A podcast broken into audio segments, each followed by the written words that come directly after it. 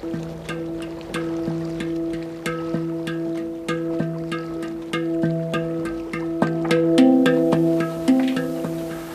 känns trygg. Mm, ingenting går snabbt, man hinner med. Hon är inte en som sliter ut besättningen, än man kan vila upp i Henrietta. Hon är långkörad, hon är väldigt smal, lång och smal, seglar väl. Hon kändes nog härlig att segla.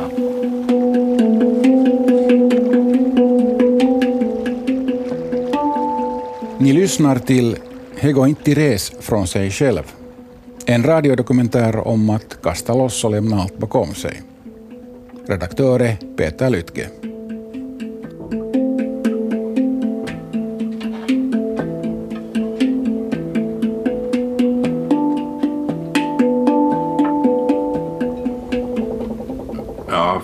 Fick henne för, nu är det väl för, det är så svårt med tid. Jag brukar alltid liksom, lite med tid är svårt. När har du gjort det och när? Men vet, jag, jag säger fyra och ett halvt år sedan fick jag Henrietta. Jag var ju i skede i livet där jag verkligen satsade på downshifting. Så att en gammal träbåt var väl kanske inte det som jag överhuvudtaget ville dra på mig.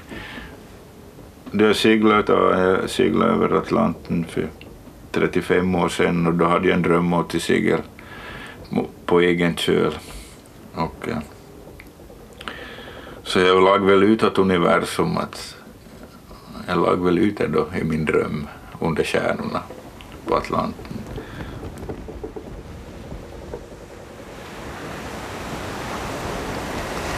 Handen på hjärtat. Har vi inte alla drömt om det här någon gång i våra liv? Att lämna allt bakom oss och bara kasta loss. Att säga adjö till vardagsbekymmer och allfartsvägar och hitta nytt och spännande. Helst på det mest klassiska sätt, på en segelbåt. Därför hajade jag till när jag hörde att Jan Backman från Jakobstad hade gett sig av. Stuckit, dragit iväg. Kärt barn har många namn. Jag måste medge att jag omedelbart kände ett sting av avund i min bröst och tänkte att jag ville veta mera. Ett halvt år senare befinner jag mig på Gran Canaria för att fråga honom hur det har gått. Men först måste jag hitta honom. En seglare har ju ingen fast adress. Väl framme på Gran Canaria tog jag en hyrbil och åkte längs med kusten västerut. Ett förfärligt landskap söndertrasat av hemska turistsamhällen. San Agustin, Playa del Ingles, Sonnenland. Så småningom hittar jag fram till ett ställe som heter Anfidelma. Jag parkerar bilen och går ner till stranden. Kantat av fruktansvärda hotellbyggen. Det skymmer. Ute i viken ser jag några segelbåtar som guppar för ankare.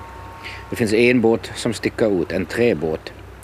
Mindre och smäckrare än de andra båtarna. Det där måste ju vara Jans båt. Men hur kommer jag dit? Jag slår en signal till honom. Han svarar inte. Men efter en kort stund ringer han upp mig. Vänta lite, jag kommer efter dig. Efter en tid ser jag en rank gummibåt som guppar emot mig. Hej, ropar Jan. Vi kastar mina grejer i kajaken som inte ser så där värst förtroendeväckande ut. Du måste sitta tätt bakom mig och slå dina ben kring min kropp, säger Jan. Jag sätter mig bakom honom och han paddlar iväg. Det är mörkt nu. Gummibåten hoppar på vågorna och jag, jag blir faktiskt lite rädd. Tänk om vi kantrar och allt som jag har med mig sjunker till botten. När vi kommer lyckligt fram till segelbåten kommer nästa utmaningen. Hur i hela fridens namn ska jag ta mig upp till den? Den har inte ens några räcken. Till slut tar jag mig upp på något jävla vänster, jag darrar och jag skälver. Har du blivit rädd? frågar mig Jan med ett skratt. Och sen, välkommen på Henrietta.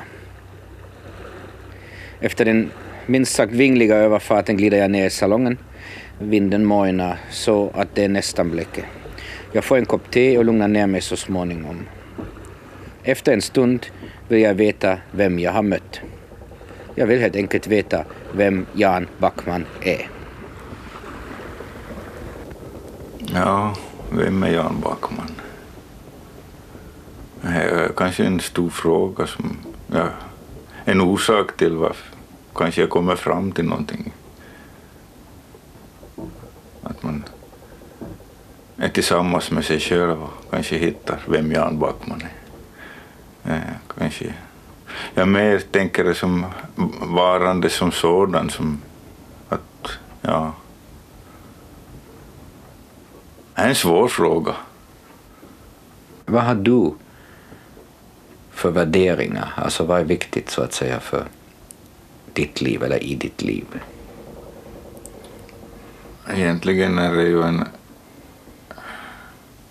Om vi går inåt så är det ju ett, ett eget inre lugn, en, en trygghet i mig själv, en tillfredsställelse av det som bara finns allt runt mig. Men värderingar som sådant så är ju förstås, mm, för mig så är det ju uh,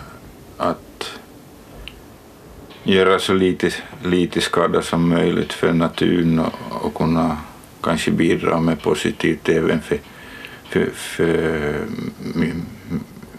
människorna runt mig och, och, och för naturen. Mm, jag är väldigt mörkgrön, eller vad ska jag säga? Om jag finns, jag är väldigt grön. Ja, ja. Um, så att uh, beteckningar som ekologiskt fotavtryck och sånt, det är inte något främmande begrepp för dig? Nej, det är väldigt, väldigt påtagligt och, och kanske har tagit väldigt, väldigt mycket tid för mig att försöka fundera ut liksom och, och, och kunna leva med att se att det finns man bygger upp en vision och en värld, en verklighet som är väldigt vacker och, och, och då man reser runt som nu och ser vad som egentligen pågår så fordrar det ganska mycket av mig för att inte drabbas av någon sorts äh, miljödepression. Så när bestämde du dig faktiskt sådär nu ska jag sticka och, och framförallt eh, för vem berättade du för resan? Jag har nog pratat om det i flera år. Alltså det, jag, det tog fyra år från jag fick, äh, fick Henrietta till som var eh, relativt klar. Och äh, redan äh, hösten ett år tidigare så var jag ju liksom på väg men båten var tom inne, jag fanns som inte möjligheter men Eh, i min vision, så i min verklighet så trodde jag att jag skulle komma iväg redan då. Men det var ju, nu visste jag ju innerst inne att det var omöjligt. Men jag är ju lite så att äh, det som du lägger ut så det blir verklighet. Så jag, är ju, jag lag nog ut det ganska tidigt. Jag började känna att okej, okay, jag ska göra det här. Och då blir det en verklighet. Och för att det är en, det är också en ganska ett stort steg att, att göra en sån här grej. Det är, många som drömmer om det och vissa får ett början men väldigt få som gör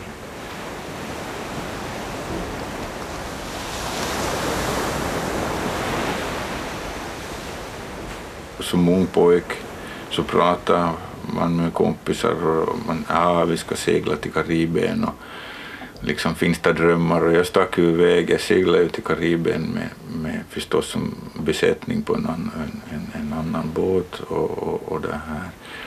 Då man stod på natten under stjärnorna och styrde båten här för typ 35 år sedan det här så, så kom en dröm om att jag kanske skulle en dag eh, göra det på egen köl men det kom annat i livet. Och nu för bara en kort tid sedan så jag fick Henrietta, jag renoverade Henrietta, jag tänkte jag skulle göra någonting gott med henne. Någon sorts retreatsegling eller någonting bra, någonting ska vara en idé med, inte bara, bara en båt. Så på något sätt så föd, blev det idén född liksom att, ja men att kanske jag skulle eh, segla runt och lära mig lite mer av både det som pågår på jorden och, och lära mig genom att jag seglar ganska mycket ensam också, att, att liksom uppleva det också i mitt liv, att få vara helt för mig själv. Um, var det klart uh, att, för dig att du ville segla ensam? Nej, nej det var inte. Nej, jag tänkte faktiskt att jag, var inte, jag ville inte egentligen i början segla ensam men eh, jag märkte ju att det finns då spekulanter, eller de som var väldigt intresserade och, och det här.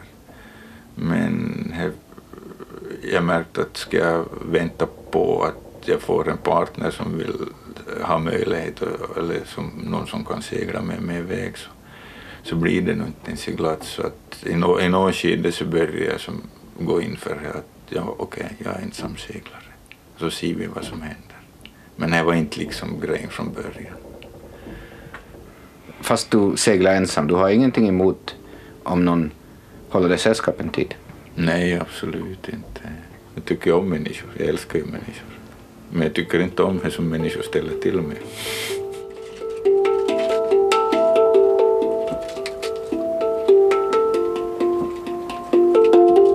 Ja, en sak som på något sätt har börjat dela lite om mitt liv så är, som inte jag tidigare har sysslat med så är musik. Ja, jag, började, eh, jag fick ju, fick ju min hangdram skickad till mig och, och började på och trumma på min hängdram och det tycker jag är jättefint. Varje kväll efter att vi har seglat eller gjort utflykter på land sitter vi i salongen eller i sittbrunnen och pratar om livet i gemen och våra liv i synnerhet.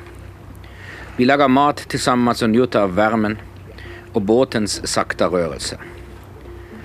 Jan brukar då spela på sin hangdrum som han fick som julklapp av en kompis från Jakobstad som egenhändigt hade tillverkat den. En hangdrum är ett ganska nytt instrument, en slags metalltrumma som ser ut som en upp och nervänd wok. Den mjuka och meditativa klangen fyller båten med värme. Efter att vi ätit brukar Jan spela ännu ett varv, nästan som en serenad om kvällen. Det händer att jag somnar in till hangdrummens spel och de mjuka dyningar.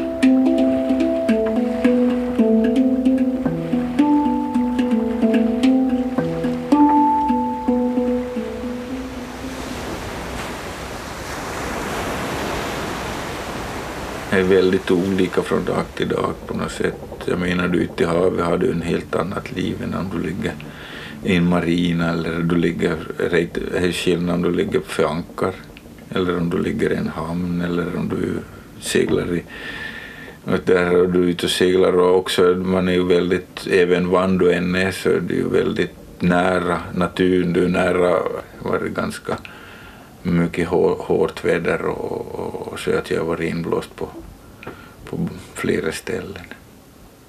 Jag har ju inget mål på det sättet eller måste någonstans så att man väljer ju att man väljer vädret man går ut i, att man väntar nog hellre ut än att ge sig ut i någonting hårt kämpande för att det blir tufft och är tufft. Det är som oberoende vad du än har för båt, hur stor den är, hur liten den är så då naturen lägger sina krafter till så då är man nog liten. Eh, får man, får man vänner när man är ute och seglar? Det har väl nog att göra med ens egen personlighet. Det har väl inte att göra med om man är ute och seglar.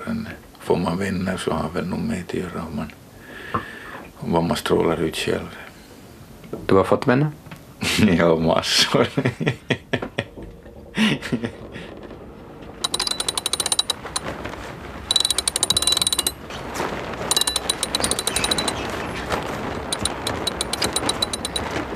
Jan har varit på seglande fot sedan ett halvt år tillbaka när jag träffade honom på Gran Canaria. När vi sitter ihop om kvällarna berättar han om ett och annat som hade hänt honom på vägen från Jakobstad till Arguinegin.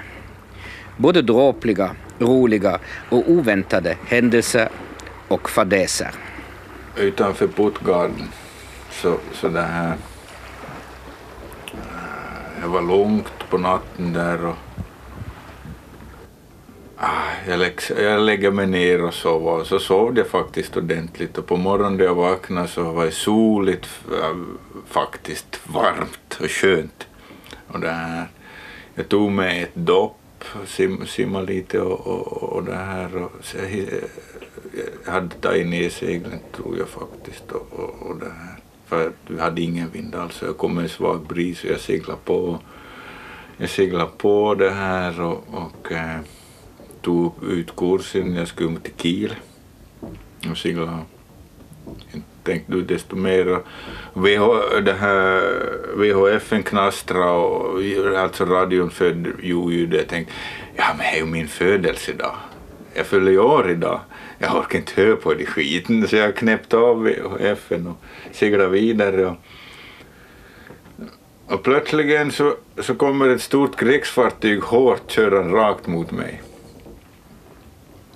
Jag funderar, vad, vad, vad är det på gång? Och det, det är riktigt som demonstrativt körde rakt mot oss. Så, så bromsade in en bit framför jag ropade på tyska på, mega, på en megafon på tyska eller några högtalare någonting. Eh, min bristfälliga tyska och min förvåning över vad som var egentligen var nu på gång, att, att, så jag förstod nog ingenting. Men så kom jag på engelska att det här att jag är på militärt område att jag måste absolut, nej, de ropar på engelska att, att, att, jag, har, att jag måste lägga på eh, radion. Så jag lagade på radion och, och, och det här fick, fick kontakt med dem med VHFN och de berättade att att, det här, att, att jag är på militärt område, att jag måste ändra kursen. Och de var helt hövliga, det var inte som på något sätt no, att de ropade och skrek med mig på något sätt. Att, eh, jag, jag tackade dem för att de hade informerat mig. Och, och äh, ändra kursen äh, så jag kom ut ur det här det här krigsområdet då så att jag skulle segla säkert i, i, i det här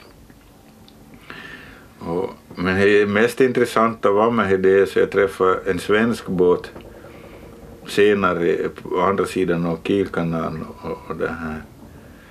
Och de, de var ombord och, och, och de frågade vad båten hette och jag sa Henrietta. Ja, är du som är Henrietta? För de hade ju ropat jättemycket på mig på VHF. Henrietta, Henrietta. Men jag hade ju slagit av. Jag hade ju inte hört något. Alla, allas båtar runt så hade jag hört att Henrietta var på krigsområdet. Henrietta befann sig på krigsstigen. Ja, exakt. Kanske du har ännu en? Ut, ja, utanför Portugal så uh, hade jag ganska hög, hög sjögång, ganska svag vind. Vi hade nord... Uh, havet var nordvästlig. Eh, jag hade, var vågor upp över fem meter.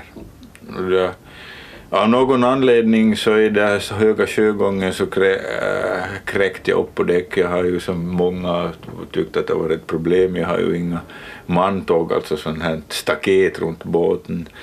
Men jag, jag, jag säkrade mig med liv, liv, sån här livlina och, kräka, och, och tog mig upp på däck och, och, och så märkte jag en sån här vajer som håller eh, masten upp att, att den var skadad 1947, den har säkert fått tillräckligt. Så att, att eh, jag beslutade att jag borde nog ta mig i land och reparera det här så att inte jag får rigghaveri. Och eh, tog närmast hand var eh, Porto och eh, seglade mot Porto och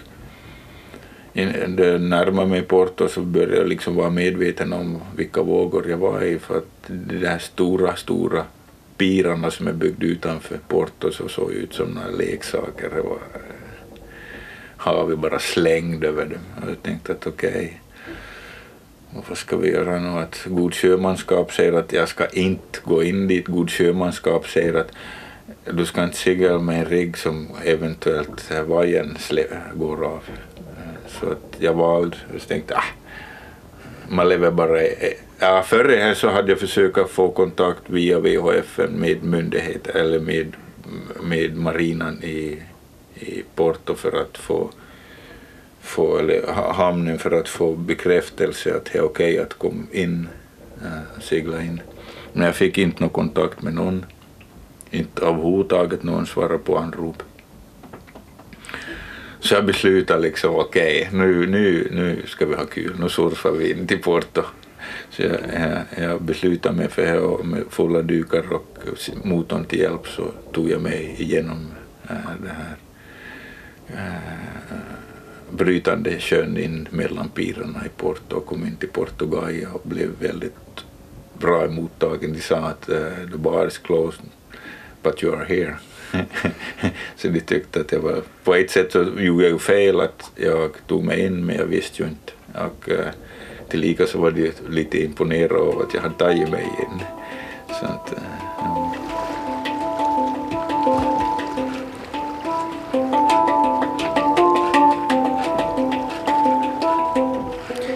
Jan brukar ju beteckna sig själv som en mörkgrön människa. Han försöker att leva ett liv som påverkar naturen och förbrukar naturens resurser så lite som möjligt. Han är också vegan och när vi handlar mat för oss letar vi efter ekologiskt odlade livsmedel eller, om sådana inte stod att finna, åtminstone någonting som är närodlat. Också Henriettas makeover gick eh, delvis i ekologins tecken. Jag sparar så mycket som möjligt av ursprungsbåten. Äh, om man rent ekologiskt så är ju, jag skulle vilja ha dragit ännu längre än, än vad jag gjorde men, men äh, små saker som jag tycker att det är helt, äh, det tycker jag också på land, liksom det här att vi spolar ner vår avföring vi har mer och mer brist på äh, rent vatten på jorden och vi använder äh, dricksvatten och spor ner vår avföring istället för att kompostera och föra tillbaka och kunna utnyttja äh, den tekniken. Jag har en komposteringstoalett som separerar och komposterar. Så du använder varken kemi eller vatten för att, utgöra, för att göra dina behov? Nej. Nej, och jag släpper som inte ut ute. För att alltså, det finns ju, idag så finns ju lagar att du måste äh, med septitank och du måste ta tillvara men det är bara en, en lag, det är omöjligt. Sam, liksom folk kör ju ut det direkt i havet allting. En gång när vi, vi seglade igår så, så satte du på motorn Eh, jag märkte att jag hörde ingenting så att tydligen hade du inte heller någon diesel eller bensinmotor. Nej, jo, allt, alltså livet handlar ju om eh, äh, val som vi gör i livet. För en bra många år sedan så gjorde jag ett val att jag skulle begränsa användning av fossila bränslen eller i princip ta bort helt allt fossilt. Jag vill inte vara för jag, jag, jag, i min verklighet så ser jag att det är den största boen det här billiga energi, energi som vi får genom, att, genom vår olja så att jag beslutar nog att, att jag skulle inte använda det för, inte för någonting, inte för transport och, och, och så vidare. Så att det, Henrietta har ju en elmotor. Jag ser ju inte elmotorn som en lösning på vad vi håller på med, det här konsumtionssamhället, vad, vi, vad som pågår idag. Men äh, jag, jag, jag gjorde nog beslutet att lägga in en elmotor. Hon är i princip helt off-grid, alltså jag är självförsörjande. Jag tillverkar min el till motorn också. Och det, har de, det gör du med hjälp av solpaneler? Ja, äh, men då jag seglar så, det mesta äh, som jag tillverkar så är då jag seglar så roterar propellern och äh, motorn genererar elektricitet tillbaka till batterierna. Så du har en liten turbin i akten? No, I princip är det samma motor som driver fram motorn som, och går den andra vägen då jag seglar. Att, att istället för att ta elektricitet så ger den. Hade hon överhuvudtaget en motor innan? Hon hade en diesel. Ja. Den är en riktigt bra motor men på grund av min, ja, man gör ju sina val i livet. Jag hade ju gjort det valet att jag skulle inte använda fossila bränslen mer. Så. Och jag, hade, jag har haft faktiskt under lång, lång tid, även minns jag med gamla båtbyggaren Kronholms Nisse, så fantiserade vi om en elmotor i segelbåt för vi tyckte att en segelbåt seglar man och då man behöver motor så en elmotor skulle vara helt perfekt för man behöver inte köra långa sträckor, man använder den mer vid vissa tillfällen. Och det allra viktigaste, liksom också segelbåten, den låter inte. Nej.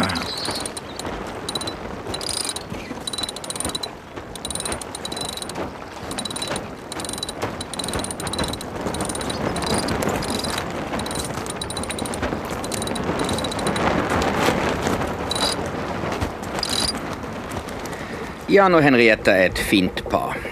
Det tycker inte bara jag. Vart än vi kommer beundras de två. Men det är först och främst Henrietta som drar blickarna till sig. How old is she? Where's she from? What a beauty? Sånt hörde vi överallt. Av seglare, fiskare, tjänstemän och turister. Så jag kastar frågorna vidare till Jan. Hur gammal är hon? Varifrån är hon? Och hur fick du tag på henne? Vi började med han som har designat, alltså Knud Reimers. Född dansk, eh, verksam i Stockholm. Blev väldigt känd för sina ståtliga och vackra båtar. Och eh, Henrietta är eh, kondor heter typen. Och Knud Reimers rita, han ritade kondor 1942 och eh, 1947 så blev Henrietta byggd på Jakobstads båtvarv åt Hugo Nars. Och det var ju en, en, en bedrift som sådan genom att vi just avslutade kriget. Att hon fick de fram det här, det här mahognen och det här materialet för den här båten men tydligen så finns det möjligheter för att få ihop den här båten. Vem var ägarna efter Hugo Nars? Um, jag tror Hugo Nars sålde den till Helsingfors och uh, jag är ovan för Österbotten tala vem hade båten bara.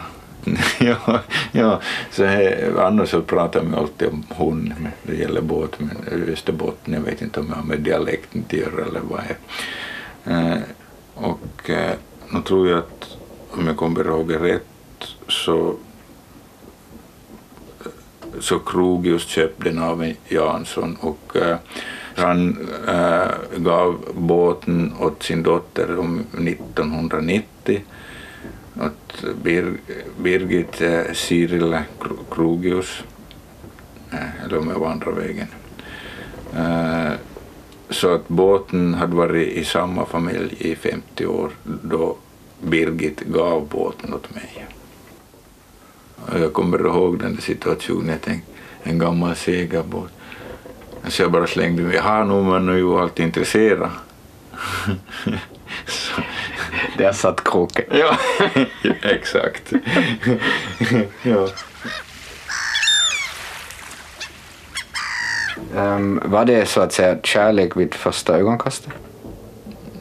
Ja, jag har väl nog jobbat för mycket med gamla träbåtar för att jag skulle kunna säga att det var uh, Nej, inte kan jag säga. Jag såg, ju, jag såg ju precis vad det handlade om och jag visste att oj, hej, nu får vi hitta kärleken för utan den så har jag inte kunnat göra det här för jag gjorde ju liksom på eget initiativ. Och jag hade ju tänkt att jag skulle göra det lite enklare och, men äh, är nog, som, som yrkesman så är det nog svårt att gå genvägen och, och vara nöjd med det så att jag gjorde det ganska grundligt nog då jag började på. Alltså ändå i ganska dåligt skick? Ja, hon var ju seglingsbar. Jag seglade ju henne, jag hade över tusen sjömil eh, sommaren. Jag, jag reste ju ner med tåg till Helsingfors med en god vän och min, min ena son och vi seglade upp henne upp till Jakobstad de skulle gärna vilja att vi skulle ta i Henrietta landvägen för att de hade röntgat kölbultarna och konstaterat att kölbultarna är väldigt dåligt skick och jag sa nej, ingen chans, jag seglar henne. Så vi kom dit på, på dagen och så handlade vi mat. Sovde på land i båten och lyfte den i sjösatt den följande dag och seglade iväg. Um, det är ju ändå, måste jag säga, det är en jättefin gåva att få en sån här träbåt till skänks. Alltså, inte? Eh, ja, på ett sätt. Mm, och nej. Det är bara hur man ser på det. Liksom. Ja, visst. Visst är det en fin gåva. Ja. Det var ju ett ganska långt projekt som skulle dragas igenom. Och, och, och skulle jag bara bara drömd om att segla iväg så hade det nog funnits mycket enklare vägar men det var den här vägen jag skulle göra.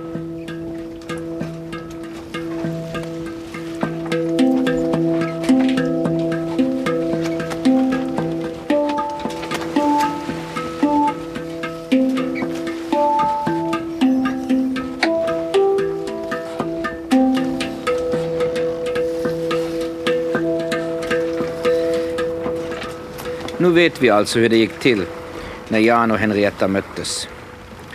Och att det inte var kärlek vid första ögonkastet. De är ihop i snart fem år och sedan ett halvt år seglar de tillsammans runt jorden. Om vi försöker förmänskliga Henrietta, Jan, hurdan är hon? Lugn. Kommer ni bra överens? För det mesta nog. Ja.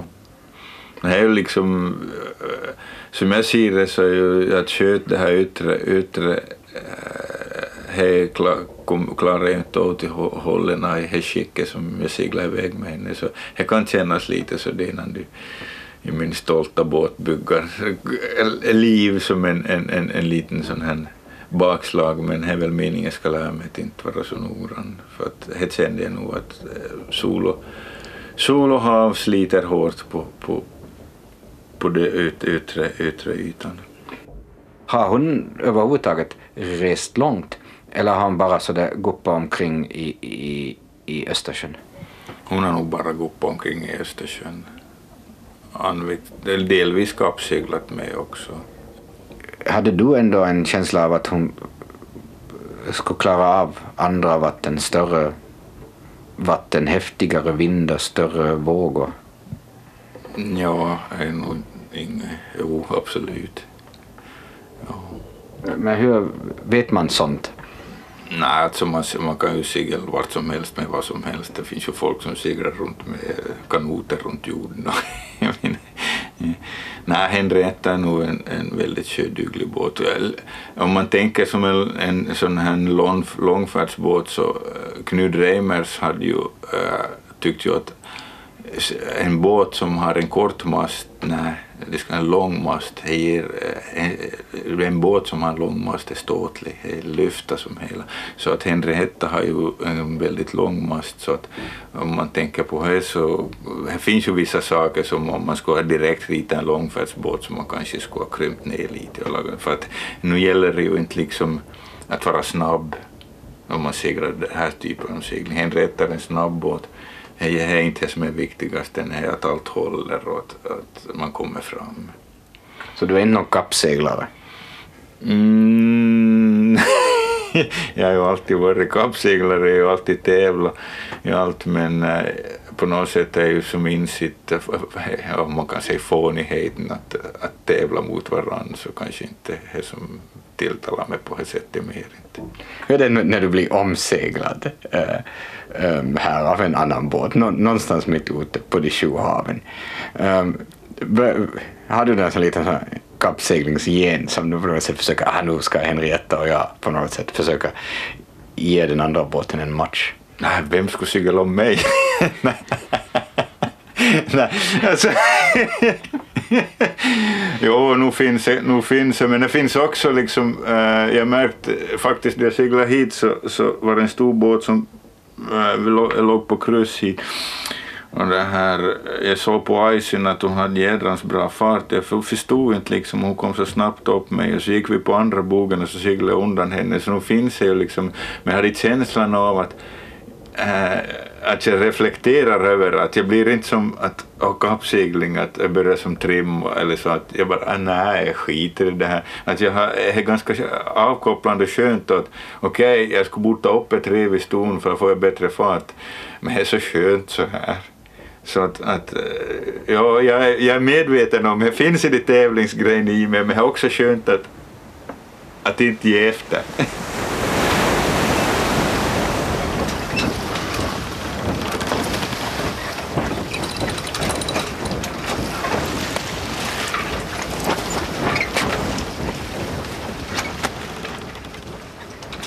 Men vad kan hända med en liten träsegelbåt när det blåser hårt?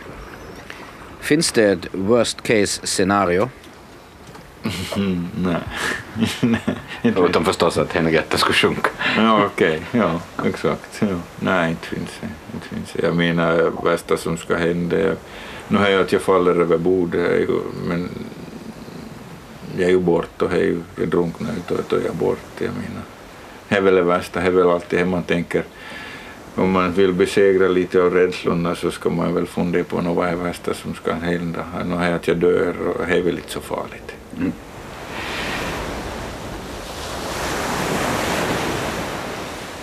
Uh, hade, Jan, har det funnits dagar, tider uh, du, du, du har tvivlat på, på ditt beslut? Alltså att du har velat komma hem? Mm, ja och nej. Uh, Ja, det är inte bara en och två gånger som jag funderar vad fan håller jag på med egentligen och vad är det här då? Varför gör jag det här? Och ibland har jag känt en väldigt, väldigt stor, att här är meningsfullt. Jag hade ju kanske byggt upp något sorts, jag brukar inte vara så mycket för att bygga upp framtiden och visioner, men att jag tvivlar, jo visst jag tvivlar, att jag kände att till fara tillbaka hem så är inte nej, nej, inte ett känd. Klart att alla tankar det finns ju, vi, har ju, vi är fulla av tankar och känslor och allt, en röst som pratar och men, men nej.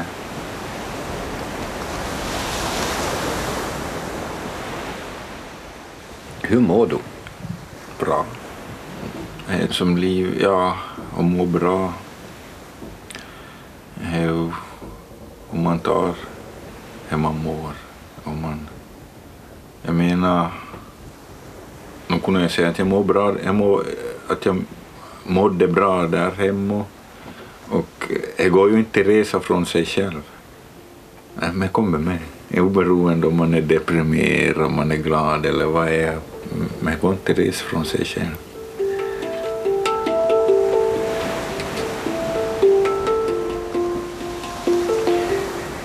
Framtiden tänkte jag tala lite med Jan om här i slutet. Eh, vart är du på väg? Eh, jag lever mitt liv. Mm. Jag, menar oberoende om du är hem eller en segelbåt så gör vi en resa, livets resa. Det börjar när vi föds och så är den så länge den är. Vart jag är på väg? Eh, jag märker att det är bättre om man gör vissa Mm, planer, kanske funderingar. Jag har ju jag har ju en dröm i livet, jag fortfarande har en dröm i livet att jag skulle eh, komma någon gång i livet till en plats där jag känner att äh, här skulle jag vilja vara. Att det känns som bra. Och äh, jag filosoferar vidare på den här frågan och eh, söker möjligheter att kunna eh, uppfylla människans grundbehov, vilket vi har ingen, Det finns inte i vår, vår civiliserade värld egentligen, en, en, en, allting bygger på andra. Så att, eh, att vad jag skulle vilja hitta ett ställe där man kan hitta, äh, eh, odla kärlek mellan människor gemenskap eh, och eh, äh, maten man äter. Veta att det man äter så innehåller näringsrikt ren mat. Vara med, alltså själv, självförsörjande och ta, ta vara på. på. Och här så, vi behöver ju inte så mycket annat än kärlek, medmänsklighet, god mat, bra vatten och ett ställe till, till vara på.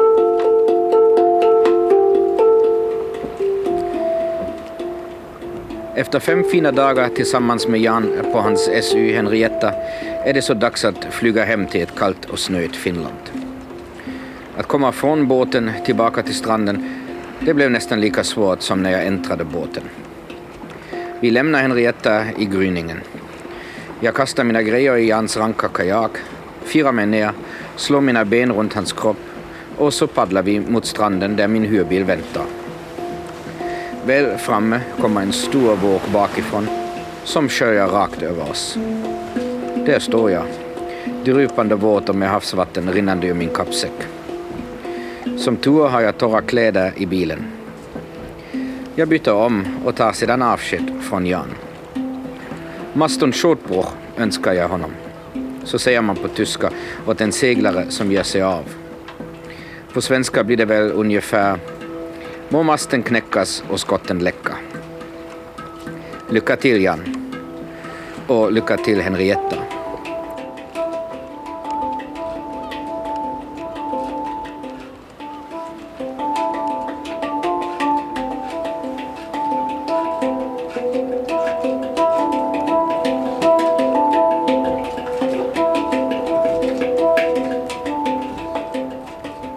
Lyssnade till Hego inte res från sig själv.